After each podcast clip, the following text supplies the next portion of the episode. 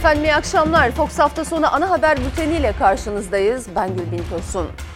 Türk Silahlı Kuvvetleri İdlib'deki gözlem noktalarına sevkiyatı artırırken Milli Savunma Bakanı Hulusi Akar Şam yönetimini bir kez daha uyardı. Kuzey Kıbrıs Türk Cumhuriyeti Cumhurbaşkanı Mustafa Akıncı'nın yaptığı yeni açıklamaların ardından Ankara Lefkoşa hattı iyiden iyiye gerildi. CHP kurultay süreci, FETÖ'nün siyasi ayağı tartışmaları hepsi ve daha fazlası birazdan yayında olacak ama önce şehidimizin cenaze töreni. Barış Pınarı Harekat Bölgesi'nde zırhlı aracın devrilmesi sonucu şehit olan piyade uzman onbaşı Ceyhun Taş, memleketi Kahramanmaraş'ın Elbistan ilçesinde toprağa verildi. Bekar olan şehit onbaşı 8 kardeşin en küçüğüydü.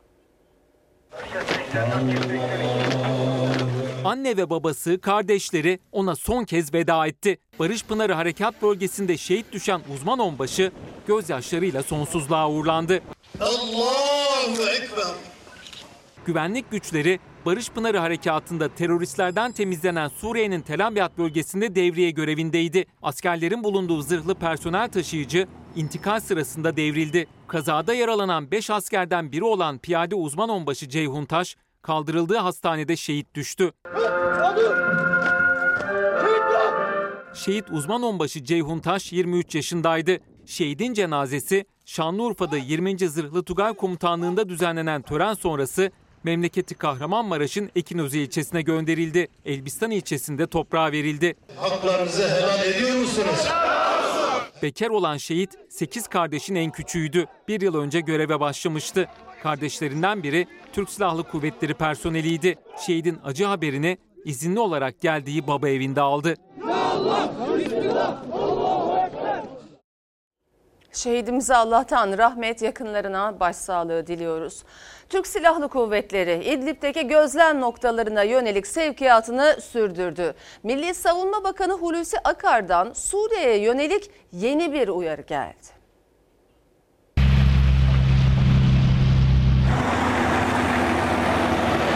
Türk Silahlı Kuvvetleri İdlib'deki gözlem noktalarına obüs ve mühimmat takviyesi yaptı. Komando ve özel harekatçılar sınırı geçti. Milli Savunma Bakanı Hulusi Akar Şam yönetimini uyardı. İkmal faaliyetlerimizi sürdürüyoruz. İkmal konusunda oradaki yetkili arkadaşlarımız Rus muhataplarıyla görüşerek koordine ediyorlar. Buna rağmen bir engelleme olursa çok açık ifade ediyoruz, gereğini yaparız. Suriye'nin Türk konvoyuna saldırısının ardından Türk Silahlı Kuvvetleri İdlib'deki gözlem noktalarına sevkiyatı arttırdı. Türkiye'nin farklı noktalarından gönderilen onlarca obüs, zırhlı personel taşıyıcı ve mühimmat Hatay'ın Reyhanlı ilçesine ulaştı. Askeri araçlar ve komandoları taşıyan 5 otobüs İdlib'deki gözlem noktalarına doğru yola çıktı. Bu sevkiyatla birlikte İdlib'e son bir haftada geçen araçların sayısı 1250'ye yaklaştı. İdlib'e sevkiyat sürerken Milli Savunma Bakanı Hulusi Akar, Rusya ile yapılan Soçi Anlaşması'na değindi. Türkiye'nin meşru taleplerini kararlılıkla dile getirdiğini söyledi. Zerre kadar hakkımızı yedirmeyeceğimizi söylüyoruz ama mutabakat ihlal edilmeye devam ederse bizim de B ve C planlarımız var. Her fırsatta bizi zorlamayın. Yoksa B ve C planlarımız hazır diyoruz. İdlib'i görüşmek için Ankara'ya gelen Rus heyetin Dışişleri Bakanlığı'ndaki toplantısı 3 saat sürdü. Toplantıda sahada bir an önce sükunet sağlanması için atılabilecek adımlar konuşuldu.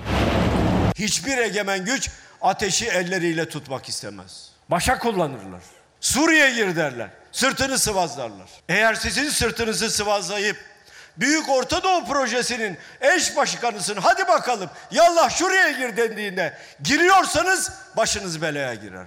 Bugün girdiği gibi. Rejim güçlerinin İdlib'e yönelik ilerleyişi de sürüyor. Suriye Genelkurmay Başkanlığı İdlib ve Halep'teki operasyonlarda yaklaşık 600 kilometre karelik bir alanın tekrar ele geçirildiğini açıkladı. Sayın seyirciler Kuzey Kıbrıs Türk Cumhuriyeti Cumhurbaşkanı Mustafa Akıncı'nın yaptığı açıklamanın yankıları sürüyor. Türkiye'ye bağlanma ihtimalinden korkunç diye bahseden Akıncı'ya Ankara'dan özür ve istifa çağrıları ard arda geldi. MHP lideri Bahçeli'nin istifa et çağrısına Kuzey Kıbrıs Türk Cumhuriyeti Cumhurbaşkanlığı'nın resmi internet sayfası üzerinden ağır ifadelerle yanıt geldi. Ankara Lefkoşa hattında ipler gerildi.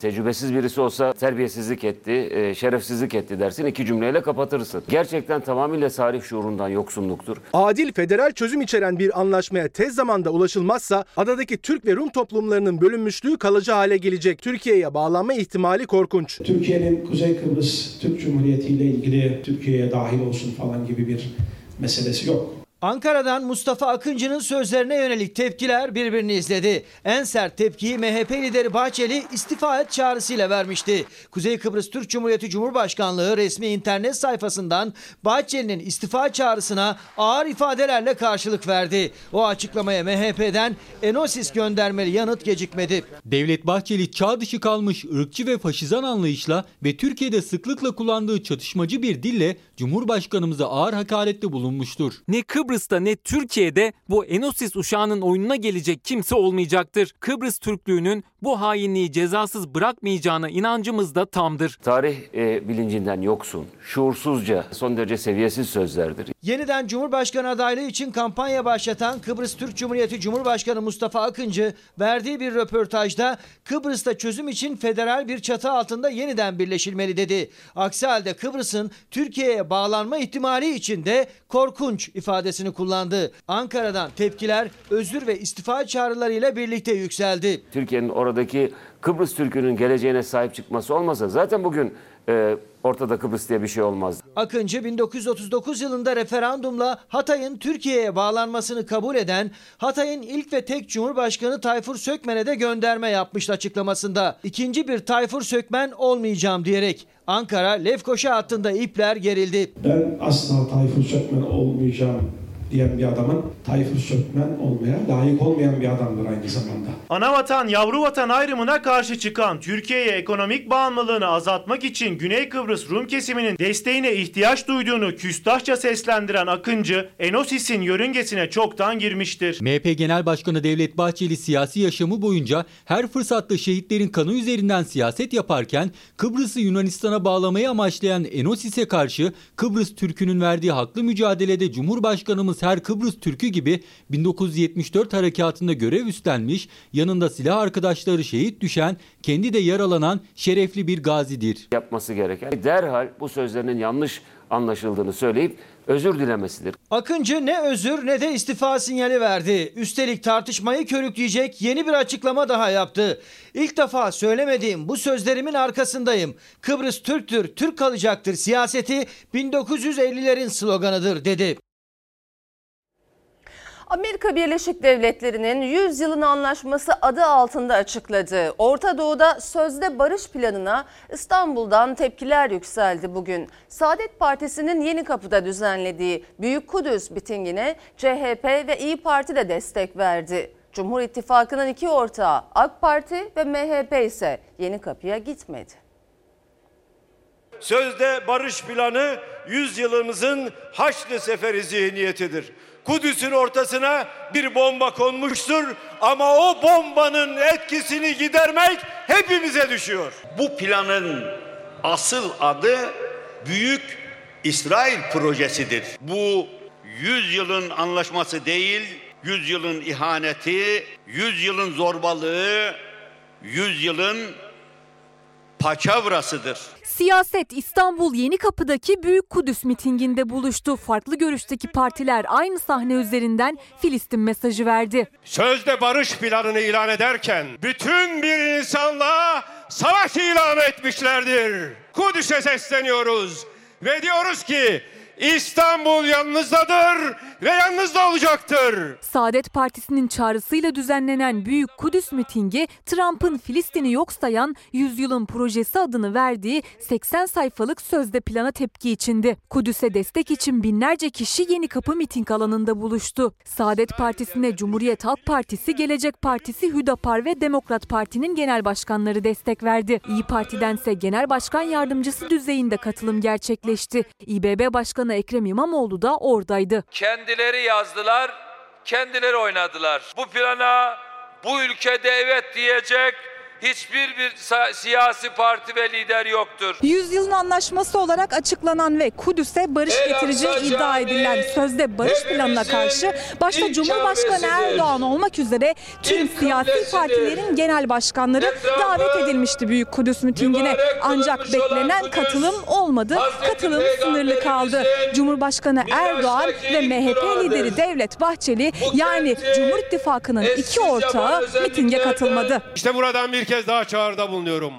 Burada olmayan siyasi parti temsilcilerine de eğer mesele Kudüs'se, eğer mesele Mescid-i Aksa'ysa her şey teferruattır demeyi bilmeliyiz. CHP lideri Kılıçdaroğlu sözde barış planı için Haçlı Seferi zihniyeti benzetmesi yaptı. Çağımızın haçlı zihniyetiyle Kudüs Müslümanların ve Filistinlerin ellerinden alınmak isteniyor. Adaleti, hakkı ve hukuku inadına, inadına, inadına koruyacak ve savunacağız. Saadet Partisi Genel Başkanı Temel Karamollaoğlu ise Filistin'e destek İsrail'e yaptırım çağrısı yaparken İstanbul konusunda da uyardı. Eğer bugün Kudüs'e sahip çıkamazsak yarın İstanbul'u gündeme getirecekler.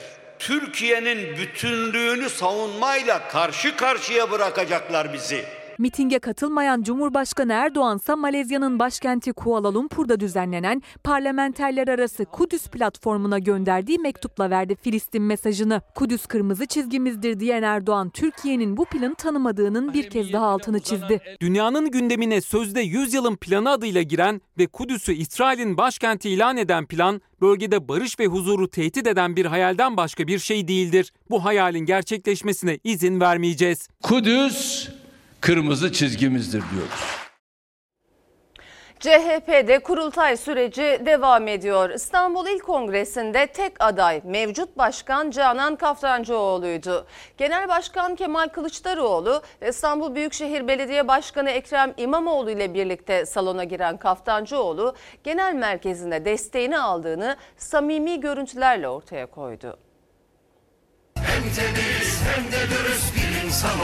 Türkiye şu anda freni patlamış bir kamyon gibi yokuş aşağı gidiyor. Ellerinde güç olabilir. Bize karşı hangi kirli ve ahlaksız dili yöntemi kullanırlarsa kullansınlar. Yılmayacağız, korkmayacağız. Öyle değil mi arkadaşlar? Ama heyecanınızı hissedelim. Bir ayağa kalkın arkadaşlar, arkadaki gençler. Kurultay delegelerimiz. Heyecan olmadan bu iş olmaz. Canan Kaftancıoğlu olarak aklımla siyaset yapın diyorum size. İki gün sonra eğer hırsımla, egomla siyaset yapın dersem eğer bana ayna tutmanızı istiyorum. Size emanet ediyorum sevgili kardeşlerim. AK Parti'den CHP'ye geçen iki seçim atlatan İstanbul'da iddiaların karşı aday kulislerinin aksine Canan Kaftancıoğlu tek aday gösterildi. Salona aynı anda ve yan yana girerek birliktelik fotoğrafı veren Kılıçdaroğlu, Kaftancıoğlu ve İmamoğlu'nun kulak kulağa verdikleri sohbetleri de gözden kaçmadı. Kongre CHP'nin de ama birlikte sandığa gittikleri Millet İttifakı'nı İyi Parti unutmadı CHP Genel Başkanı. Millet İttifakı aslında bir demokrasi ittifakıdır. Toplum şu anda ikiye bölünmüş durumda. Demokrasiden yana olanlar tek adam rejiminden yani otoriter rejimden yana olanlar. 677 delegenin oy kullanacağı Cumhuriyet Halk Partisi İstanbul Kongresi başladı. Kongrenin başlangıcında görünen tek aday Canan Kaftancıoğlu. Kongrenin sloganı ise İstanbul'dan Türkiye'ye tek yön iktidar. Burada da yazılı. İktidar. Niye iktidar olmak istiyoruz? Yara aldı Cumhuriyetimiz. Mücadele ise mücadeleyi yapacağız. Çünkü biz haklıyız. Demokrasiyle taçlandırılmış Cumhuriyet vurgusu konuşmasının tamamında vardı Kemal Kılıçdaroğlu'nun sorunları ve hedefleri ortaya koydu. Kendi partisini de eleştirdi, partililere mesaj verdi. Aile sigortasını toplumun gündemine getiren ilk partiyiz. Aile sigortasını yeteri kadar büyük kitlelere aktarmayan da partiyiz. Bireysel beklentilerin tamamen ötesine çıkmak zorundayız. Yaklaşık 6 bin kişinin doldurduğu salonda CHP'yi destekleyenler değil sadece. CHP'li Ataşehir Belediyesi'ni protesto eden sendikalı bir işçi de vardı. İl yönetimine ve genel merkeze seslendi. Kimse müdahale etmeden tepkisini dile getirdi. Hiçbir gerekçe göstermeksizin işten çıkarıldım. 124 gündür Ataşehir Belediyesi önünde karda fırtınada direniyoruz. Beni beğenmeyen de düşüncelerini özgürce ifade edebilsin. Tam 806 bin kere diliyorum ki inşallah bir daha bu ülkede böyle bir dönem, böyle bir süreç yaşanmayacak. İmamoğlu yerel seçimdeki oy farkına gönderme yaparak konuştu. Seçimde birlikte çalıştıkları il başkanı Canan Kaftancıoğlu ise kürsüye deri ceketi, kot pantolonu ve spor ayakkabılarıyla rahat ve hızlıca çıktı, net konuştu. Şu isim olmazsa yanarım, ölürüm, biterim, yıkarım. Ben olmazsam bu yönetim yıkılır, dağılır diyen hiç kimseye yönetimde yer vermedim arkadaşlar. İktidarın yargı reformu kapsamında hazırlayıp meclise getirdiği paketlerden biri de kamuoyunda af olarak nitelendirilen ceza infaz indirimi ve kolaylığı getiren düzenleme. Cumhurbaşkanlığında bir süredir hazırlıkları devam eden infaz düzenlemesine son şekli verildi. AK Parti kulislerinden ayrıntıları da gelmeye başladı. Teklife göre infaz indiriminden ilk olarak 40 bin hükümlü yararlanacak. Bu sayı aşama aşama 100 bini bulacak. İşte önümüzdeki günlerde meclise sevk edilmesi beklenen infaz paketinin detayları. Ceza infazda bir takım reformların yapılmasıyla ilgili çalışmalar Adalet Bakanlığı tarafından hazırlıklar bitti. Bundan sonrası e, son rötuşların yapılması ve meclisin vereceği karar. Uzun süredir merakla beklenen ceza infaz teklifinin hazırlıklarında artık sona gelindi. Adalet Bakanlığı'nın üzerinde çalıştığı teklifin son şekline göre infaz düzenlemesinden ilk etapta 40 bin hükümlü yararlanacak. Kusura bakmayın herkesi serbest bırakmak gibi bir şey olmaz. Cezaevleri umutla bekliyor.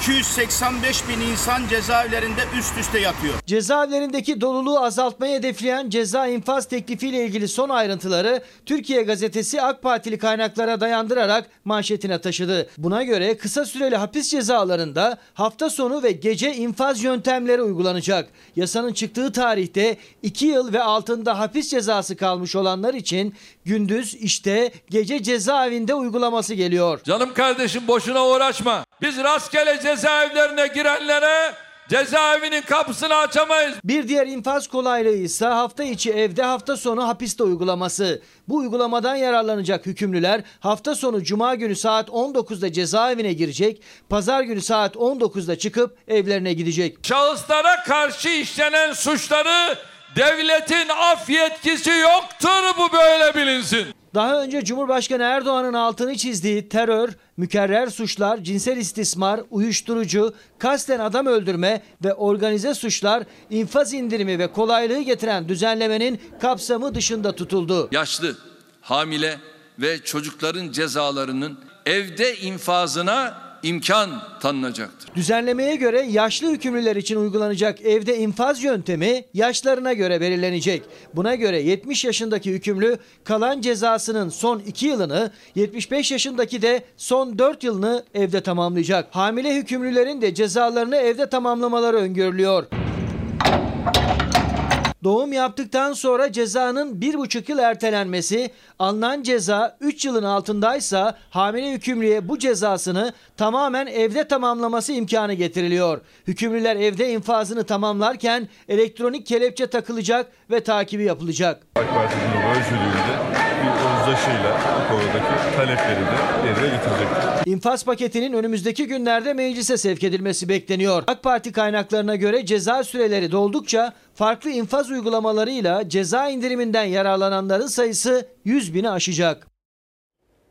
FETÖ'nün siyasi ayağı tartışması hız kesmeden devam ediyor. AK Parti Genel Başkan Vekili Numan Kurtulmuş, FETÖ'nün siyasi ayağını bulmak yargının, savcıların işi dedi. CHP'nin iki kurmayı Tuncay Özkan ve Aykut Erdoğan'ın yaptığı sert açıklamaların hedefinde ise Cumhurbaşkanı Erdoğan vardı.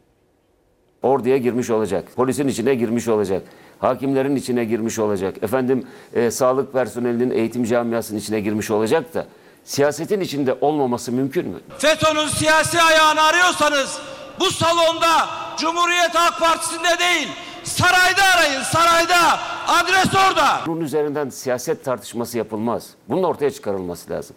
Kim çıkaracak bunu ortaya çıkaracaklar da Cumhuriyet savcılarıdır. AK Parti Genel Başkan Vekili Numan Kurtulmuş, FETÖ'nün siyasi ayağı için meclise araştırma önergesi veren CHP'ye yargıyı işaret etti. Siyasi ayak tartışmasında en sert çıkışsa CHP kurmayı Tuncay Özkan'dan geldi. FETÖ'nün siyasi ayağı orada oturuyor. Özellikle 2014 ve 2019 seçimlerinde Tayyip Erdoğan karşıtı cepheye FETÖ'nün vermiş olduğu aleni desteği görürseniz kimlerle çok içli dışlı olduğu, sıkı fıkı olduğu da ayan beyan ortada. Numan Kurtulmuş devletin kurumlarına siyasi partilere sızmış tespit edilemeyen birçok FETÖ'cü olduğunu söyledi. CHP Genel Başkan Yardımcısı Aykut Erdoğdu ise mecliste kurulan darbe araştırma komisyonunun Cumhurbaşkanı'nın talimatıyla kapatıldığını savundu. Yazılı bir açıklamayla Cumhurbaşkanı'na sorular yöneltti. Darbenin olacağından haberiniz var mıydı? OK adında MIT'e gidip haber veren bir binbaşından söz ediliyor. Darbe olacağını söyledi mi size? Üstelik cemaatin adını vererek size söyledi mi? Hala şu anda karda yürüyüp izini belli etmeyen bir takım FETÖ'cülerin sağda solda bulunmaları da muhtemeldir. Mecliste kurulan darbe araştırma komisyonunun üyelerinden biri olan Erdoğdu, FETÖ'nün siyasi ayağı tartışmasının iktidarın kendisine muhalefet edenlere karşı şantajına dönüştüğünü iddia etti. İlker Başbuğ'un çıkışıyla başlayan polemikte ise iktidar cephesinde sinirler gergin. Sayın Başbuğ'un şahsıyla ilgili bir şey söylemem ama söyledikleri bir yerde e, siyasi iradeyi bypass eden sözlerdir. askeri şahıslar özel yetkili mahkemelerde yargılanacak. Sivil şahıslar her halükarda sivil mahkemelerde yargılanır. Kim hazırladı? Ben bir ipucu veriyorum. Eski Genelkurmay Başkanı İlker Başbuğ'un yaptığı açıklamalar üzerine Erdoğan sert tepki gösterdiği talimat da verdi. 6 vekil Başbuğ hakkında suç duyurusunda bulundu. Numan Kurtulmuş ise FETÖ ile mücadeleyi sulandırma çabası dedi Başbuğ'un sözleri için. Sabaha karşı bile görüşüyorlar. Pat, paldır küldür geçiyor bu yasa teklifi. FETÖ komplolarıyla bağlantılı bir olayla karşı karşıyayız. FETÖ şunu istiyor, bunu istiyor diye biz doğru olan adımı atmaktan e, kaçınamayız. Falanca ya da filanca da bu e, böyle düşünüyor. Bizi ilgilendirmez. Karşılıklı iddialar, yargıya da taşınan ithamlar, FETÖ'nün siyasi ayağı tartışması hız kesmeden devam ediyor. Başkent Gaz'ın Kızılay üzerinden Ensar Vakfı'na yaptığı 8 milyon dolarlık şartlı bağışla ilgili tartışmada bu kez de vergi kaçırma iddiasına bir yenisi eklendi. Başkent Gaz'ın bağış yaptığı 2017'de bir yıl önce aldığı gayrimenkul yatırım ortaklığı unvanını kullanarak vergi ödemediği iddiası düştü şimdi de gündeme. vergi uzmanlarının bir kere e, hem ilgili şirketin kayıtlarına hem Kızılay kayıtlarına bakması lazım. Burada e, bir vergi kaçırılması yahut bir usulsüzlük söz konusu değil. Çok net olarak istismar ettikleri görülüyor. Başkent Gaz, Kızılay Ensar Türken Vakfı arasında dönen bağış trafiği ve vergi kaçırma tartışmasında bu kez de Başkent Gaz'ın vergi muafiyeti için aldığı gayrimenkul yatırım ortaklığı ünvanı ortalığı karıştırdı. Bizim istismar edildiğini düşündüğümüz konu vergi.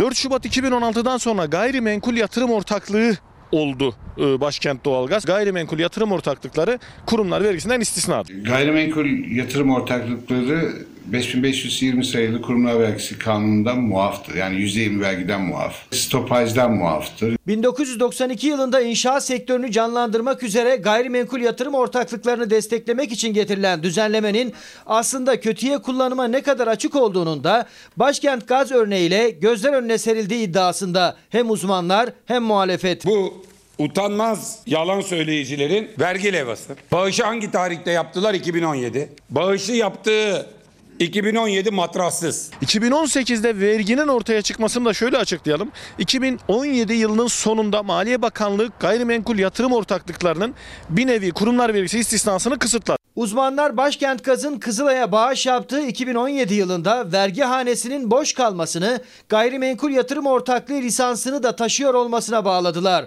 İddiaya göre şirket o lisansı 2016'da almış ve bu yüzden bağışın yapıldığı 2017'de sadece 35 günlük vergi matrağı yansımış. 8 milyonun çok üzerinde bir vergi ödedik. Burada vergiyle alakalı bir sorun yok. Kamu yararı vardır. Hazine ve Maliye Bakanlığı kamuoyu vicdanını rahatlatmak için buradan ne kadar vergi toplanmış, vergi toplanmış mı, hangi yıldan sonra vergi alınmış, hangi yıllar alınmamış. Kızılay üzerinden Ensar Vakfı'na şartlı bağış adı altında para transferi yapan Başkent Gaz'ın sahibi Mehmet Torun 2017'de vergi kaçırmak bir yana fazlasıyla vergi ödediğini söylemişti. Ama aynı yıl gayrimenkul yatırım ortaklığı avantajını kötüye kullanarak vergi ödemediği iddiasıyla karşı karşıya şimdi. Kalem gibi düşünün. Kalemi aynı zamanda çok güzel şeyler yazmak için de kullanabilirsiniz. Cinayet gibi kötü amaçlarla kullanabilirsiniz. İki yıl önce açıklamıştı Cumhurbaşkanı Erdoğan. Bazı istisnalar dışında asgari ücretin altında emekli maaşı alan kalmadı demişti. Cumhurbaşkanının o sözleri hafızalarda ama 2020 yılı zamları da eklendiğinde emeklilerin maaşları hala asgari ücretin altında. Toplu sözleşme dediler, hakkımızı yediler. Çok acı arkadaşlar tabii. Kamu Çalışanları Hak Sendikaları Konfederasyonu üyeleri Ankara'da memur ve emekli maaşlarına yapılan zam enflasyon canavarını doyurmaya yetmiyor diyerek hükümetle imzalanan toplu sözleşmeyi yeme eylemi yaptılar. Pek çok emekli de tenceresini nasıl kaynatacağını düşünerek elleri boş döndü pazar alışverişinden. İşçi emeklisi. Hale gelmişsiniz ama eliniz boş çıkıyorsunuz. Bakındık aslında alabileceğimiz bir şey var mı diye ama e, bir kelle paça alalım dedik. Alamadık. Bir buçuk kilosuna 35 lira dediler. Çok pahalı. İnanılmaz. İsterseniz göstereyim size. Bir, bir kilo balık var. İşkembe aldık. Çorba yapalım da içelim bari. Şurası 150-200 lira. 2020'nin başında memur emeklisi %5,49, SSK ve Bağkur emeklisi ise yeni yıl içinde %6,49 zam alabildi. Zamlara rağmen SGK verilerine göre halen emeklilerin %50'si asgari ücretin yani 2324 liranın altında maaş alıyor. SSK emeklisiyim. 2137 olmuş bu ay. Bugün ülkemizde az sayıdaki istisna haricinde asgari ücretin altında emekli maaşı alan bulunmuyor. Sigorta emeklisiyim yavrum ben. Vallahi de billahi de 2195 lira alıyorum. 73 yaşında bir insanım. Ben buraları seyrederek geçiyorum. 2020 yılı itibariyle en düşük işçi emekli maaşı 1263 lira, Bağkur emekli maaşı 1539 lira. En düşük memur emekli maaşı ise asgari ücretin biraz üzerinde 2569 lira. Maaşları farklı ama %12,15'lik enflasyonun altında zam alan tüm emeklilerin geçim derdi aynı. Pazarda sebze ve meyvelere dikkatlice bakan ama almayan işçi emeklisi Osman Sakarya hepsi adına yaptı hesabı. Zaten 700 milyon kira veriyor. Ne kaldı? 1 300. 300'ü de elektriğiyle gaza gider. Ben 1 milyarla nasıl geçineceğim? 30 lira düşer gününe. Hesap et. Bir emekli orta halli bir semt pazarına geldiğinde akşam yemeği için iki kişilik alışveriş yaptığında yarımşar kilodan salata malzemesi ve mevsiminde bir sebze aldığında 20 lira verip çıkıyor. Bu da ayda 600 lira sadece tek bir öğün için harcıyor demek. Hızlı hızlı geçtim fiyatlar fahiş. Tek bir madde almak için geldim. Ama ucuz olsaydı başka şeyler de alacaktım. Kırmızı beyaz ete de sadece baktı pek çok emekli. Daha ucuz diye sakatatlara yöneldi ama o da maaşına göre pahalı geldi. Düşündünüz, taşındınız, yapacak mısınız alışveriş? Nerede alıyorum? Nerede alıyorum? Uzun uzun fiyatlara bakıyorsunuz ama. Ya e, bakıyoruz kızım ne yapalım? Sadece ekmek alıp gideceğim yani. Osman Gazi, Yavuz Sultan Köprüsü, Avrasya Tüneli, yap işlet devret modeliyle hayata geçen, ücretleriyle vatandaşı, garantileriyle devlet bütçesini zora sokan 3 yatırımın 2019 rakamları ortaya çıktı. Osman Gazi Köprüsü'nden 2019'da bir önceki yıla göre 600 bin araç, Yavuz Sultan Selim Köprüsü'nden de 1 milyon 638 bin araç daha az geçmiş. 3,5 yılda geçen araçtan ve geçmeyen araçtan devletten ve vatandaştan aldığı toplam rakam 2 milyar 21 milyon dolar. Yani biz 3,5 yılda bir Osman Gazi Köprüsü bir de yarım Avrasya Tüneli yapabilirmişiz. Hazine garantili köprü ve tünel geçişlerinde rakamlar 2019 yılında da tutmadı. Maliyet katlanarak arttı. Yavuz Sultan Selim ve Osman Gazi Köprüsü'nde araç geçişlerinde düşüş devam etti. İşte CHP'li vekil Haydar Akar'a ulaşan son rakamlar. Bakanlık imzalı belgeli rakamlar bunlar. Osman Gazi Köprüsü'nden 2017 yılında 7 milyon 509 bin araç geçmiş. 2018 yılında 9 milyon 98 bin araca çıkmış. Fakat 2019 yılında faiz fiyat artışı nedeniyle ve dolar kurunun yükselmesi nedeniyle 8 milyon 486 bin araç geçmiş. Yani 612 bin araçlık azalma olmuş. Yavuz Sultan Selim 2017 yılında 15 milyon, 2018 yılında 14 milyon, 2019 yılında 13 milyon 271 bin araç geçmiş. 2 milyondan fazla bir araç düşüşü yaşanmış. Yavuz Sultan Selim Köprüsü'nde 2019 yılı boyunca geçen araç sayısında 1 milyon 638 bin azalma olmuş. Haydar Akar, iki köprü için verilen geçiş garantileri nedeniyle ortaya çıkan maliyeti de açıkladı. Yavuz Sultan Selim Köprüsü 3,5 yılda bunun hazineye maliyeti 1 milyar 622 milyon TL. 3,5 yılda Osman Gazi Köprüsü için ödenen para 5 milyar 834 milyon TL. Avrasya Tüneli'nin geçiş ücretine yapılan 36 liralık zammı da masaya yatırdı Akar. %56'lık faiz zam neye göre yapıldı diye sordu. %56'lık bir zam var. Sözleşme 4 dolar artı KDV. 20 lira geçiş ücreti zam yapılmadan önce bunun 25 liraya çıkartılması gerekiyor sözleşme gereği. Ama yaptıkları zam 36 lira. 11 liralık bir artış da söz konusu burada. Neye göre yaptıklarını tespit etmek mümkün değil. Sözleşmeye uymuyor. Enflasyon rakamı var. Enflasyona uymuyor. Yeniden değerlendirme oranına uymuyor. Yap işlet devlet modeliyle yapılan hazine garantili köprü ve tünel projelerinde ortaya çıkan tabloyla çarpıcı bir gerçeği de ortaya koydu CHP'li vekil. Sadece Osman Gazi ve Avrasya Tüneli'nden elde edilen ciroyla yapılabilecekleri de Osman Gazi Köprüsü maliyet 1 milyar 300 milyon lira. Avrasya Tüneli'nin maliyeti 1 milyar 245 milyon dolar. 3,5 yılda geçen araçtan ve geçmeyen araçtan devletten ve vatandaştan aldığı toplam rakam 2 milyar 21 milyon dolar. Yani biz 3,5 yılda bir Osman Gazi Köprüsü bir de yarım Avrasya Tüneli yapabilirmişiz. Bu yıl sadece hazine garantileri yüzünden bütçeden 34 milyar liralık ödenek ayrıldı. Ortaya çıkan rakamlara bakıldığında araç, yolcu ve hasta garantili yap işlet devlet modellerinin devlete maliyeti beklenenin aksine azalmak yerine giderek daha da artıyor. İstanbul'da toplu ulaşıma yapılan %35'lik zamma öğrenciler tepki gösterdi. Mecidiyeköy metrobüs durağında eylem yapmak istediler. Karşılarında polisi buldular. Sonrasında da yaka paça gözaltına alındılar.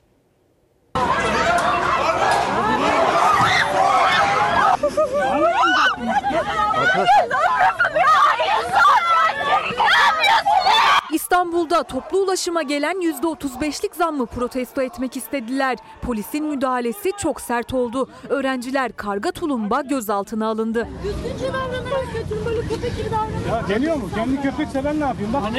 Köpek gibi İstanbul Büyükşehir Belediyesi başta akaryakıt olmak üzere artan maliyetleri sebep göstererek toplu ulaşıma %35 zam kararı aldı. Belediyenin tüm ulaşım araçları zamlandı. En kısa mesafe 2 lira 60 kuruştan 3 lira 50 kuruşa yükseldi. Aylık karta da 70 lira zam geldi. Yeni tarifede öğrenci bileti 1 lira 75 kuruş, tam mavi kart 275 lira, öğrenci mavi kartının fiyatı ise 50 lira olarak belirlendi. Öğrenciler yapılan zamma tepki göstermek için Mecidiyeköy metrobüs durağında buluştu. Turnikelerde yapmak istedikleri eyleme polis izin vermedi. Çok sert bir müdahaleyle.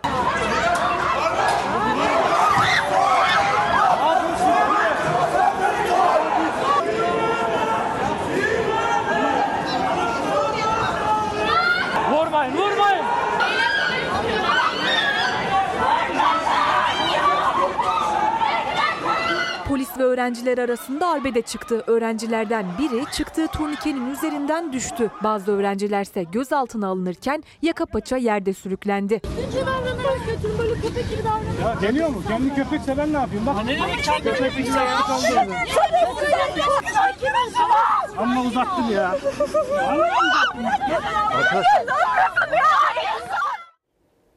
Açlıkla sınav olmaz diyen öğrenciler de hem ucuz hem de sağlıklı beslenme hakları için bir araya geldi.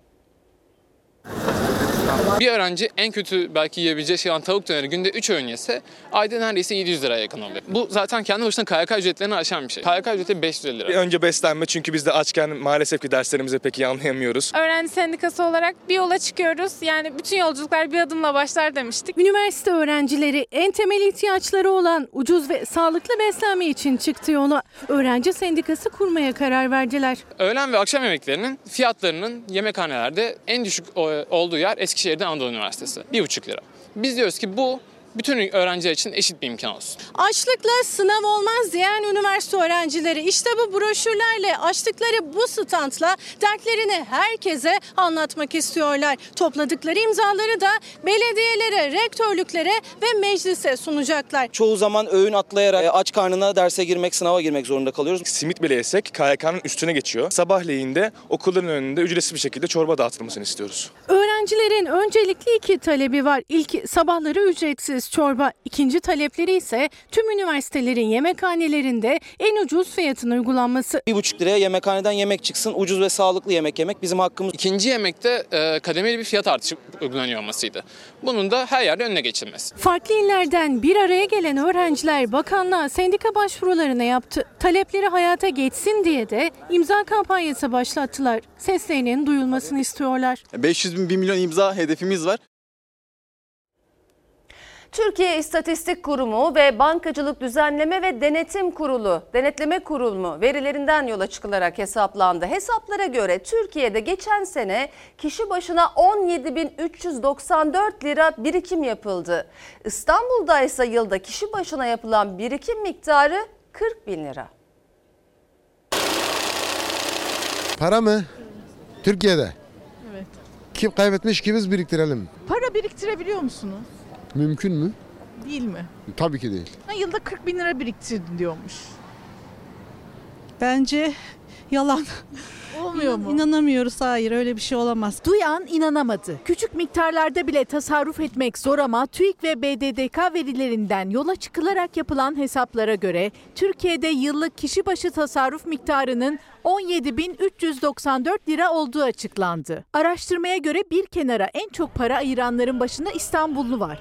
İstanbul'da yılda kişi başına yapılan birikim miktarı 40 bin liraya dayandı. Türkiye genelinde 17 bin lira, İstanbul'da ise 40 bin lirayı buluyor kenara konulan para miktarı. Bunun için İstanbul'da yaşayan bir kişinin en az 3 bin lirayı her ay kenara koymuş olması gerekiyor. 3 bin lira.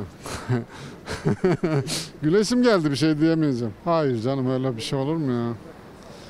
Bilmiyorum benim şahsen yok. Onlar değil belki ama bu parayı hatta çok daha üstünü kenara koyanlar var ki ortalaması 40 bin lira. Bu da gelir adaletsizliğinin bir başka göstergesi aslında. İyi de o zaman benim paramı kim çaldı? Birileri benim paramı çalıyorlar o zaman. Kim deyse getirsin versin. Harçlıklarımla biriktirebiliyorum yani ama çok bir şey olmuyor. Peki maaşlarla oluyor mu? Maaşlar olmuyor ancak geçim sıkıntısı artık. TÜİK ve BDDK verilerinden yola çıkılarak yapılan hesaplara göre Türkiye'de geçen yıl 1 trilyon 446 milyar 381 milyon 259 bin liralık tasarruf mevduatı toplandı. Ama işsizliğin arttığı, maaşların asgari ücret ve yakınında olduğu bir dönemde sokakta bu birikimi yapabilene rastlamak pek de mümkün olmadı. Nerede? Geçimi sağlayabiliyor muyuz desene. Nasıl koyacaksın onu? Gelmese koyabilir misin? Geçinemiyoruz. Hiçbir şekilde asgari ücretle nasıl birikim yapabilelim? Hani şu anda kış ayındayız ve e, bir faturamız bizim doğalgaz faturamız 400 lira. Aynı hesaplara göre 2018'de 14.070 liraydı kişi başına biriken para. Buna göre bir yılda kenara ayrılan para ülke genelinde ortalama 3.324 lira arttı. Siz de güldünüz. Güldüm çünkü 3 bin lirayı kenara koyarsan aç kalırsın yani. 550 lira doğalgaz parası gelmiş. 280 lira elektrik parası gelmiş. Nasıl koyacaksın sen kenara bu parayı? Büyük Marmara depremi beklenirken ürküten görüntüler gelmeye devam ediyor. Avcılar'da Orkide Apartmanı sakinleri kolonları çatlayan, demirleri çürüyen 6 katlı binada yaşamak zorunda. Bunlar demir gördüğünüz gibi. Yani şu anda şu durumdaki bir binada mecburen oturmak zorundayız. Gördüğünüz gibi sadece bir balık yok bunun içinde. Demir diye herhangi bir şey yok. Bakın hepsi çürük. İnsana duyarlılık yok. Annem burada kalmıyor. Ailem çekti gitti. Gidecek yerim yok benim de. Mecburen burada yaşıyorum. Demirimizin ne kadar baskıdan dolayı eğildiği bariz gözle görülüyor. Nasıl sesimi duyuracağım? Nasıl anlatacağım? Kime anlatacağım? İstanbul Avcılar'daki Orkide Apartmanı sakinleri çok geç olmadan seslerini duyurmak istiyor. Çünkü oturdukları 6 katlı bu bina ayakta duramayacak halde. Kolonları çatladı, demirleri çürüdü. Ama onlar bu tehlikeyle yaşamak zorunda. Çünkü başka bir yere gidecek güçleri yok. Binada oturuyoruz ama DASK'ın eksperi binada keşif yapmak için bile e, imtinada bulundu. DASK Ancak depremde çöken e, altında vatandaşların kaldığı binalara hemen prim ödemesi yapıyormuş. Binam çöktükten sonra altında kalıp öldükten sonra benim kanuni varislerime ulaşsa prim ödesene ödemesene. Avcılar'da 30 yıllık bir binanın bodrum katındayız. Bu apartmanın tüm kolonlarında büyük hasar var. İşte bu taşıyıcı kolonlar binanın yükünü artık kaldıramayacak durumda. İşte bunun en net örneği de demirlerin pas tutması ve aşağıya doğru eğilmesi. Kiraya çıkacak maddi imkanları yok. Kentsel dönüşüm de onlar için çok para. Yani avcıların bir kısmı gibi Orkide Apartmanı sakinleri de büyük bir çıkmazın içinde. Emekli insanlar oturuyor bu kadar bütçe çıkaramıyorlar. Ne kadar para istiyorlar kentsel dönüşüm için daire başı? Şu anda 170-200 arası istiyorlar. Söze gerek yok. İşte o eski binanın tavanı her an üzerimize çökecekmiş gibi duruyor. Yine binanın kolonları da kolon demeye bin şahit lazım. İşte son deprem sonrası bu hale gelmiş. Betonlar, demirler dökülmüş durumda. Yıkıp tekrar yapalım diyoruz. İstanbul Büyükşehir Belediye Meclisi'nde bizim belediyemiz çalışmayı yapmış göndermiş. Hala 4 aydır deprem bölgesi olarak her depremde gündeme gelen bir avcılar için bir imar planı düzenlemesi yapmıyorlar. Eşim korkusundan dolayı annesinin evine gitti. Annesinde kalıyor şu anda. Bir şekilde devletin bunu görmesi gerekiyor. Öldükten sonra zaten bir çare bulunmaz. Onlar da işte bu yüzden yani henüz hayattayken gerekli önlemlerin alınması için destek bekliyorlar. Bina zaten ayakta durmuyor ki ne? Kimse duyarlı davranmıyor. Samsun'da buz pistine dönen caddede saniyeler içinde iki otomobil kayarak vatandaşların arasına daldı. Büyük paniğin yaşandığı her iki kazada da şans eseri yaralanan olmadı.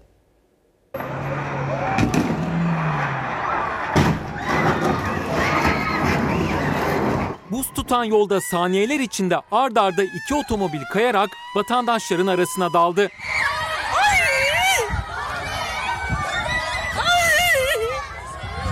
Samsun'un Atakum ilçesinde çocuklar caddede kartopu oynuyordu. Bazı vatandaşlar da evlerinin penceresinden yılın ilk karını cep telefonlarının kamerasıyla görüntülüyordu. Ancak kar sevincinin yerini bir anda panik aldı. Yokuş aşağı inen bir otomobil buzlanan yolda kontrolden çıkarak kaymaya başladı. Kaldırıma çarpıp ters döndü ve o şekilde kaymaya devam etti. Kartopu oynayan dördü çocuk 8 kişi son anda aracı fark edip kaçtı.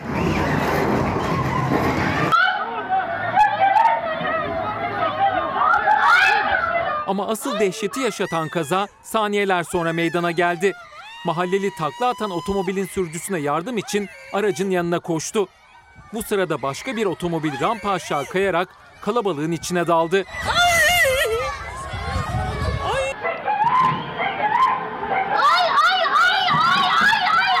Vatandaşlar çığlık çığlığa sağa sola kaçıştı. Mahallelinin ölümden döndüğü anları görüntüleyenler de büyük paniğe kapıldı. Neyse ki her iki kazada da yaralanan olmadı. Ay kayıyor kayıyor. Kaza sonrası aynı noktada üçüncü bir kaza daha yaşandı. Ard arda meydana gelen kazalar nedeniyle olay yerine gelen ambulans da kaymaya başladı. Ambulans e, gitmeye çalışıyor ama bu ambulansın buradan çıkabileceğini ben çok düşünmüyorum. Ambulans rampa yukarı çıkarken geri geri kaymaya başladı. İtfaiye aracına çarparak durabildi. Evet, şey, canlı yayında kaza izliyoruz, izliyoruz. Evet, bu olacaktı ve oldu. Mevsim normallerinin üstünde seyreden sıcaklıklar özellikle hafta sonuna doğru 10-12 derece düştü. Türkiye kara kışı yaşadı. Acı haber Van'ın Çaldıran ilçesinden geldi. Sınırı geçen 13 kaçak göçmen donarak hayatını kaybetti. Yavaş! Yavaş! Tamam tamam. Yaylada mahsur kalan arkadaşlara ulaştık. Geçit vermeyen yollar, mahsur kalan hastalar ve karın ağırlığına dayanamayan çatılar Türkiye buz kesti. 16 ilde okullar yoğun kar yağışı nedeniyle eğitim ve öğretime ara verdi. Haberlerin en acısı Türkiye'nin doğusundan İran sınırından geldi. Van'da 13 kaçak göçmen donarak hayatını kaybetti. Birçok il ve ilçeye yılın ilk karı Şubat ayının ilk haftasında düştü. O illerden biri de İstanbul'du. Meteoroloji pazar akşamına dek sürecek dedi ama cuma gecesi başlayan kar yağışı cumartesi öğleden sonra etkisini kaybetti. Yurdun özellikle kuzeydoğusuyla İç Anadolu ve Doğu Anadolu bölgeleri yoğun kar yağışının ardından bembeyaz bir örtüyle kaplandı.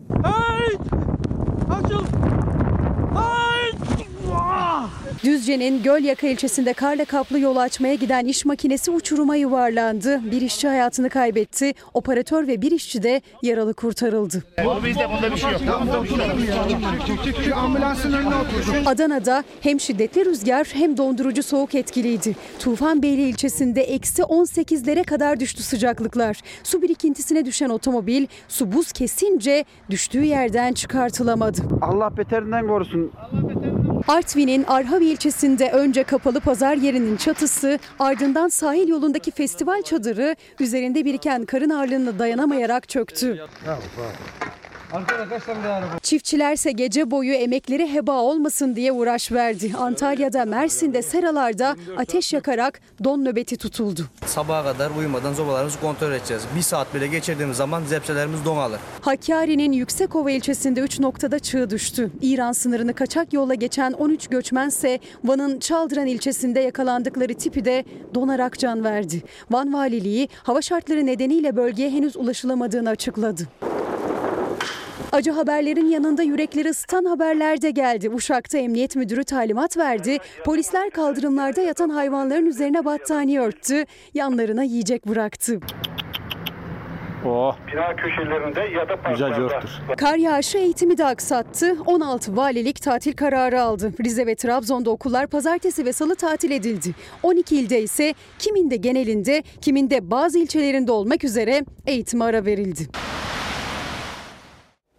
Şimdi ara zaman. Efendim Fox hafta sonu ana haber bültenini burada noktalıyoruz. Fox'ta yayın Savaşçı'nın yeni bölümüyle devam edecek. İyi bir akşam geçirmenizi diliyoruz. Hoşçakalın. Dostuma her köşesi cennetin ezilir yerler için bir başkadır benim